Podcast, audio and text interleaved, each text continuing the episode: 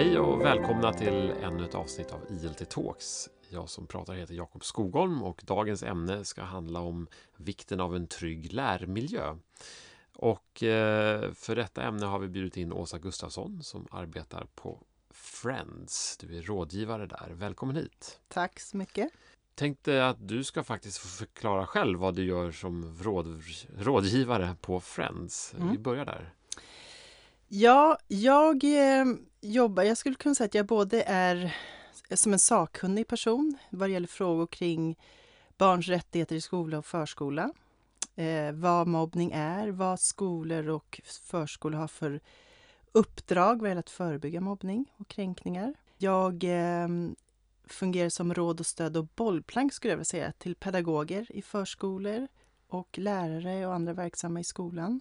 Så att jag är ett råd och bollplank externt, men jag har också en stödjande funktion för våra utbildare internt i, mm. inom organisationen. Och vi ska komma tillbaka lite grann till vad, vad gör Friends och hur kan man som skola jobba med Friends och i stöd av Friends. Men eh, vill också säga att vi på ILT har ju ett samarbete med Friends där vi stöttar er lite grann med Eh, ekonomiska medel. Eh, vi tycker det är viktigt med en trygg lärmiljö som är grunden för allt eh, lärande och för att ta till sig kunskap. Därför har vi också bjudit in er här idag. Men vi kan väl gå tillbaka till Friends då. Vad, de flesta känner ju till namnet och vet att ni jobbar med mobbing. Det, så långt kände jag också till er innan jag började jobba med er. Men kan du utveckla vad, hur gör ni det här och vem är målgruppen och, och varför? Jag skulle säga att Friends är en utbildning och kunskapsorganisation våra målgrupper är förskolor, skolor och idrottsföreningar där vi utbildar personal först och främst i att förebygga och motverka mobbning, kränkning och diskriminering. Eh, men vi är också en organisation som vill sprida och samla kunskap utåt, inte bara behålla alla våra erfarenheter och kunskaper sedan 97 då förening, eh, vår organisation start grundades, utan sprida den kunskapen utåt. Så att vi är ju både en utbildning och kunskapsspridande organisation. Eh, vi är en ideell organisation. Vi, är, eh, vi får inga statliga medel utan vi finansieras av sponsorer, privata givare. Mm. Intressant. Kan, kan du utveckla själv din egen bakgrund? Hur hamnade du på Friends och fick upp ögonen för ert arbete? Jag har jobbat på Friends sedan 2007. Jag började som utbildare så att jag har jobbat nu i, i 11 år på organisationen. Jag kom in faktiskt från att jag eh, hade arbetat med förändringsarbete och utvecklingsfrågor kring eh, jämställdhet och genusfrågor i tidigt 00-tal ska säga, i förskolan. Så jag jobbade i fyra år mm. inom en förskoleverksamhet. Och om man är en skola eller förskola och vill jobba med de här frågorna, då ringer man till er och ber att få hjälp? Är det ja, så det fungerar? Ja, eller? så kan man göra, absolut. Eh, dels så man kan, man kan både, vi är både en uppsökande verksamhet ska jag säga, men absolut att förskolor och skolor hör av sig. Dels kan det vara för att man faktiskt har identifierat någonting som man behöver hjälp med vad det gäller ett systematiskt arbete, vad det gäller ett förebyggande arbete, som jag också ska säga att det här är ingen plus i kanten eller en guldstjärna i bokslutet om man jobbar med frågorna, utan det här är skola och förskolas uppdrag, både i, i lagstiftning men också finns väldigt tydligt i, i läroplaner. Mm. Men med det sagt så um, absolut så kan man kontakta oss om man har identifierat att vi behöver kanske hjälp och stöd för att eh, kartlägga vår verksamhet till exempel. Mm. Men till mig kan man använda, eh, vända sig till om man vill ha en, ett bollplank som inte är en del av sin egen verksamhet och den är kostnadsfri. Mm. Och det behöver inte vara så att man har ett samarbete med oss på något sätt för mm. att få stöd och råd via rådgivningen.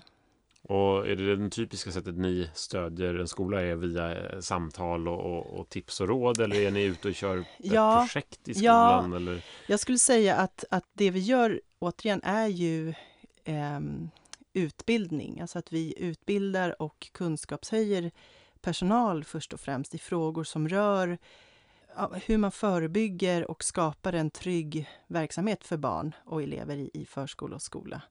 Och det kan se ut på lite olika sätt. Mm. Um, det som vi först och främst eh, tillhandahåller är en, eh, en kartläggning, en slags webbenkät för att hjälpa förskolor och skolor att identifiera hur ser, vår, hur, ser, hur ser vår verksamhet ut? Hur upplever barn och elever eh, sin, sin vardag. Nu är det inte så att barn i förskolan får besvara den här enkäten, för de är för små. Mm. Så det är ju pedagoger som får besvara hur de upplever klimatet, trivseln, förekomster av eh, kränkningar eller eh, mobbning eller att man upplever att eh, barn är, är, delaktiga och också kanske ens, ens egen eh, identifiera vad vi som pedagoger på förskolan har för kunskaper kring de här frågorna så att man samlar och inventerar.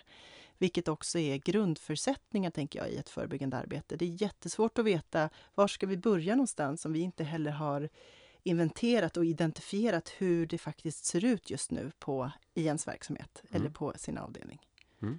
Vi jobbar ju själva mot skola och förskola mm. och, och, kunskap är det som är syftet med, med, skolan, eller en viktig del av skolan. Det här med trygg lärmiljö, hur, mm. hur, hur ser ni att det påverkar kunskapsinhämtningen? Uppenbarligen finns det ju orsakssamband där, men, men kan du utveckla tankarna kring det lite grann? Jag skulle säga att det är allra högsta grad det mest centrala. Är du inte trygg som barn eller som elev i skolan så spelar det ingen roll hur pedagogisk jag är eh, i mitt ledarskap eller i klassrummet eller i, i en barngrupp. Det kommer inte nå fram, jag kommer inte kunna fungera. Det vet vi ju själva. Om det är saker och ting som vi grubblar på som är orosmoment, det kan ju ta upp stor del av, av, sin, av sin tillvaro här och mm, nu. Mm, mm. Och samma sak är såklart för barn och unga. Vi har ju också pågående samarbete med olika universitet, både i Sverige och utanför Sverige. Och i höstas så tog vi fram tillsammans med Örebros universitet, eh, blev vi färdiga med en studie som heter Godkänt eller icke godkänt, som handlar om att man har, man har kunnat identifiera tre, man har tittat utifrån tre olika grupper eller situationer i i grundskolan och för högstadieelever. Eh, elever som är ensamma på rasten, elever som är utsatta för mobbning och elever som har hög frånvaro i skolan. Eh, hur det påverkar deras betyg och att man ser att de här tre faktorerna och framförallt att vara ensam på rasten riskerar att, att elever inte får fullständiga betyg. Så okay. att man kan också se att det har absolut effekter. Ja. Och hur har det här sett ut över historiskt perspektiv? Som upplever elever en bättre trygghet nu än för 10, 20, 30, 40 år sedan eller är det åt andra hållet? Hur ser trenden ut? 2006 så kom ju lagstiftningen som då hette barn och elevskyddslagen för första gången i Sverige som på ett eller annat sätt eller, ja, tydliggör att barn för första gången hade rättigheter som kan likställas med oss vuxna i arbetslivet. Det vill säga att du har rätt att gå till skolan utan att behöva riskera att bli utsatt för kränkande behandling, som det står i lagstiftningen. Och sen lagen kom 2006 och fram till idag så har vi som organisation, eh, liksom andra rapporter och andra myndigheter, vi har inte kunnat se att förekomsten av mobbning, om man ska samla det som ett helt paraplybegrepp, eh, sjunkit. Har inte sjunkit? Nej. Nej. Eh, men man har heller inte sett att den har ökat. Mm. Och det kan ju finnas en mängd olika förklaringar, orsaker kring detta. Vad vi kan se och vad också forskning visar är att i Sverige i alla fall så är, i, och nu pratar jag skola mer som kontext, men lärare i skolan är väldigt bra på att agera när man får veta att elever är utsatta. Eh, och vi säger att 60 000 elever blir varje år utsatta för mobbning. Och tre fjärdedelar av de eleverna upphör kränkningarna eller mobbningen. Men att det är en, en viss procent eh, där, där det är en långvarig utsatthet. Och det kan, men året efter så kommer det nya. Och det kan mm. förklaras mm. av att skolor är väldigt bra på att agera. Men många gånger så missar man, lite som jag var inne på innan, att titta på hur ser det ut hos oss? Varför har det här uppkommit? Så man är mer reaktiv ja, än proaktiv precis. egentligen? Ja, dels det, men också benägen att kanske ta fram åtgärder som handlar om symptomen, inte som bygger på orsaker bakom. Och det är där som vi också som organisation försöker gå in och hjälpa skolor att utifrån deras unika situation titta på hur ser det ut och varför ser det ut som det gör just hos er? Mm. Och vad har ni för förutsättningar? Och det kan handla om både vad som kanske är utvecklingsmöjligheter men också hjälpa skolor att titta på vad är som faktiskt också fungerar. Mm. För det handlar inte alltid om att man behöver göra om, göra rätt hela tiden utan faktiskt också identifiera det som funkar. Mm. Men det är väl det som också gör att den här, att det är liksom ett konstant antal som varken sänks eller ökas för att, att eh, skolor helt enkelt jobba mer i det akuta än, som du var inne på, än i liksom Mm. det förebyggande och det främjande arbetet. Mm. I år är ju valår. Mm. Eh, den politiska debatten tenderar kanske inte handla om mobbing just nu, känner Nej, jag. Då. Men nej. eh, känner ni själva att det finns någon politiskt intresse för de här frågorna, mer eller mindre, just för att det är ett valår? Ja, vi i vårt opinionsarbete så försöker vi också såklart hela tiden lyfta de här frågorna och framförallt till våra politiker därför att får förskolor och skolor inte de rätta förutsättningarna att arbeta för barns rättigheter att växa upp eh, och gå i förskola och skola i trygga sammanhang så, så är det också svårt om inte de förutsättningarna ges. Mm. Men jag skulle nog säga att eh, de här frågorna är alltid aktuella oavsett om det är ett valår eller inte. Så ingen, ingen större, de toppar inte Nej, över... nej. däremot så, så tänker jag utifrån eh, så som vårt samhällsklimat ser ut idag så är ju det här aktuella frågor att faktiskt prata om vad, hur skapar vi trygga miljöer för barn och unga i alla sammanhang, inte bara i och i förskola och skolan utan också utanför. Hur, hur gör vi, skapar vi ett gott klimat, liksom på lika villkor för alla? Jättebra. Eh, lite avslutningsvis, eh, tips och handfasta eh, idéer till lärare och förskolepedagoger som, som vill ta tag i de här frågorna och arbeta proaktivt mot mobbing. Vad, vad har du för någonting att ge dem?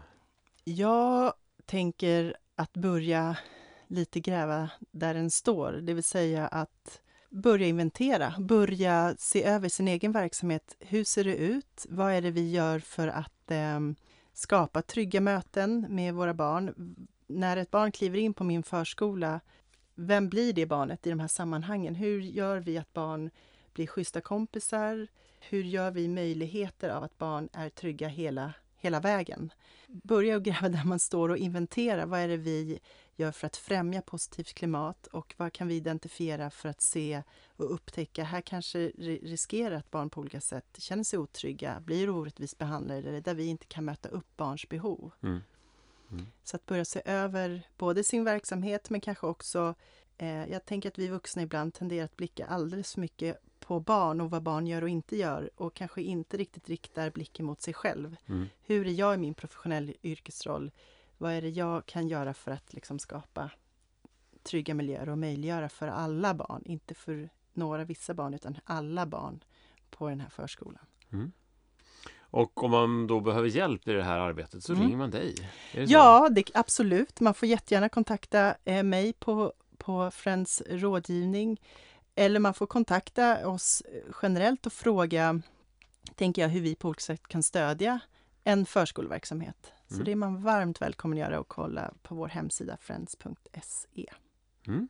Vad bra! Men eh, då vill jag avslutningsvis uppmuntra alla lyssnare att eh, går man in på vår Facebook-sida som ju heter Språkutveckling i förskolan med polyglutt och eh, blir följare till oss, då skänker vi 10 kronor till Friends. Det är ett väldigt enkelt sätt för er lärare som lyssnar att bidra till, till Friends arbete. Men med det sagt så vill vi tacka dig för att du kom hit Åsa och alla som lyssnade idag. Och vill ni som lyssnar komma i kontakt med oss kan ni mejla till podcast inläsningstjänst.se Kanske har tips på andra poddgäster som pratar om det här eller andra ämnen. Så tipsa oss gärna om det så hittar vi nya folk att bjuda in. Vi finns ju även också på Facebook på ILT inläsningstjänst utöver Polyglutt så följ oss gärna där. Och glöm inte att prenumerera på podden så att ni får den till era appar och liknande nästa gång vi kommer ut med ett nytt avsnitt. Tack så mycket! Tack så jättemycket!